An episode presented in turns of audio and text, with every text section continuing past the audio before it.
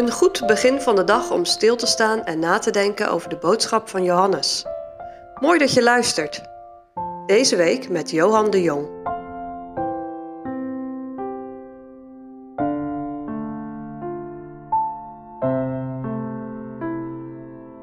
Deze week staan we stil bij een aantal gesprekken zoals die voorkomen in de eerste hoofdstukken van het Evangelie naar Johannes. In vier gevallen gaat het om gesprekken van de Heer Jezus, in één gesprek om Johannes de Doper. Vandaag gaat het over het gesprek van de Heer Jezus met de Samaritaanse vrouw bij de Jacobsbron te Sigar. We lezen eerst het Bijbelgedeelte Johannes 4, 1 tot en met 27. Als de Heer verstond dat de Fariseeën gehoord hadden dat Jezus meer discipelen maakte en doopte dan Johannes, hoewel, Johannes, hoewel Jezus zelf niet doopte, maar zijn discipelen, zo verliet hij Judea en ging wederom heen naar Galilea. En hij moest door Samaria gaan. Hij kwam dan in een stad van Samaria genaamd Sigar, nabij het stuk land het welk Jacob zijn zoon Jozef gaf. En al daar was de fontein Jacobs. Jezus dan, vermoeid zijnde van de reizen, zat al zo neder nevens de fontein. Het was omtrent de zesde uren. Er kwam een vrouw uit Samaria om water te putten. Jezus zeide tot haar: Geef mij te drinken. Want zijn discipelen waren heen gegaan in de stad, opdat ze zouden spijzen kopen. Zo zeide dan de Samaritaanse vrouw tot hem: Hoe begeert gij, die een Jood zijt, van mij te drinken, die een Samaritaanse vrouw ben? Want de Joden houden geen gemeenschap met de Samaritanen. Jezus antwoordde en zeide tot haar: Indien gij de gave Gods kende, die hij is, die tot u zegt: Geef mij te drinken, zo zoudt gij van hem begeerd hebben, en hij zou u het levend water gegeven hebben. De vrouw zeide tot hem: Heere, gij hebt niets om mee te putten, en de put is diep. Van waar hebt gij dan het levend water? Zijt gij meerder dan onze vader Jacob, die ons de put gegeven heeft, en hij zelf heeft eruit gedronken, en zijn kinderen en zijn vee? Jezus antwoordde en zeide tot haar: En ieder die van dit water drinkt, zal wederom dorsten. Maar zo wie gedronken zal hebben van het water dat ik hem geven zal, dien zal in eeuwigheid niet dorsten. Maar het water dat ik hem geven zal, zal in hem worden een fontein van water, springende tot in het eeuwige leven. De vrouw zeide tot hem: Heere, geef mij van dat water, opdat mij niet dorsten en ik hier niet moet komen om te putten. Jezus zeide tot haar: Ga heen, roep uw man en kom hier. De vrouw antwoordde en zeide: Ik heb geen man. Jezus zeide tot haar: Ge hebt wel gezegd, ge hebt geen man. Ik heb geen man, want ge hebt vijf mannen gehad, en die gij nu hebt, is uw man niet. Dat hebt gij met waarheid gezegd.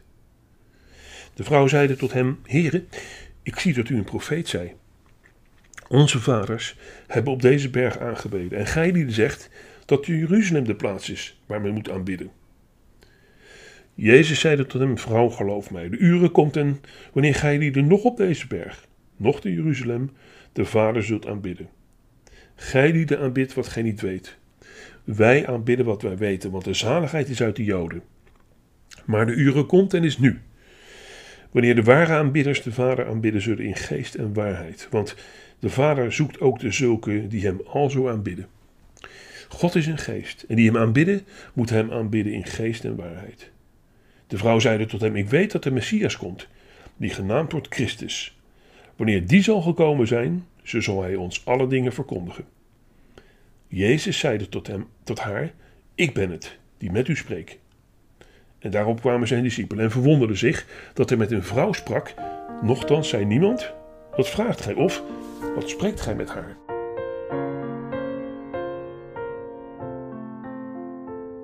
We zien in deze geschiedenis dat de Heer Jezus door het land van de Samaritanen reist. En hij komt te Sichem, of anders genaamd Sigar. Tegenwoordig noemen we dit gebied de westelijke Jordaanoever.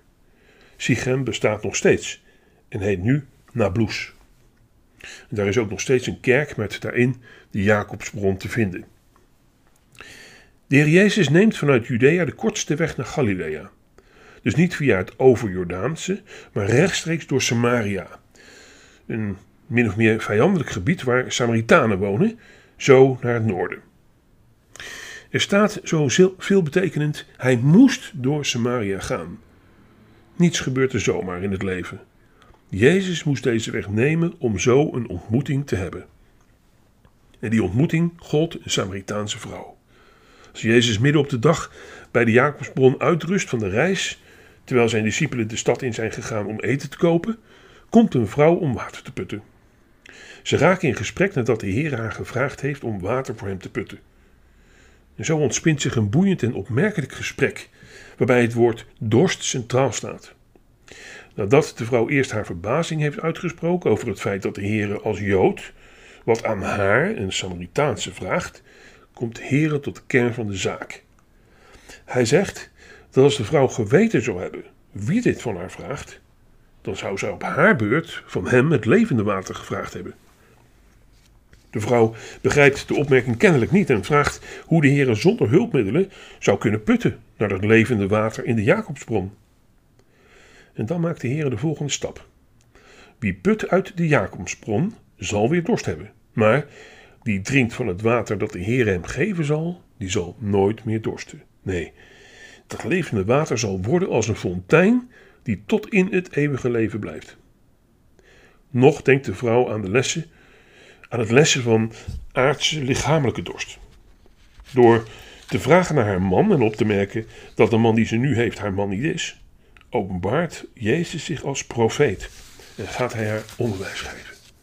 En de vrouw blijkt open te staan voor dat onderwijs.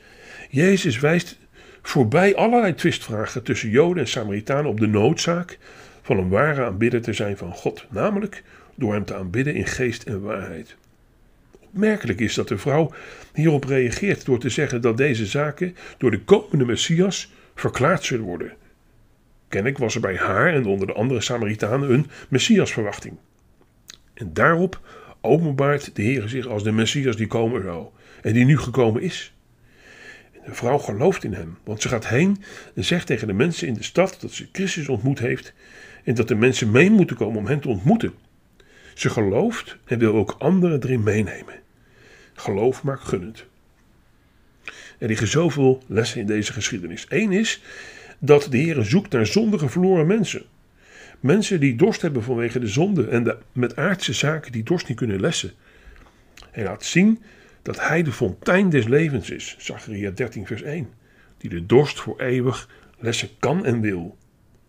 Ken jij die dorst? Dit was nodig. De Heer zegt van die mensen in de bergreden, Matthäus 5, zalig zijn die honger en dorsten naar de gerechtigheid, want zij zullen verzadigd worden. Misschien zeg je nu, dat is nogal wat. Ik weet niet of ik wel zeggen kan dat ik zo'n dorstende ben. Weet dan dat de Heere nu nog, door zijn woord en zijn geest, je wil laten zien dat je een zondaar bent en dat je vergeving nodig hebt. En dan geeft hij de dorst die hij alleen lessen kan. Verwacht het van de Heere die zondaren opzoekt, met hen spreekt over redding en zaligheid, en de zaligheid ook geven kan, omdat hij zelf de prijs daarvoor betaald heeft. De vraag voor vandaag: wat treft jou het meeste als je dit gesprek leest?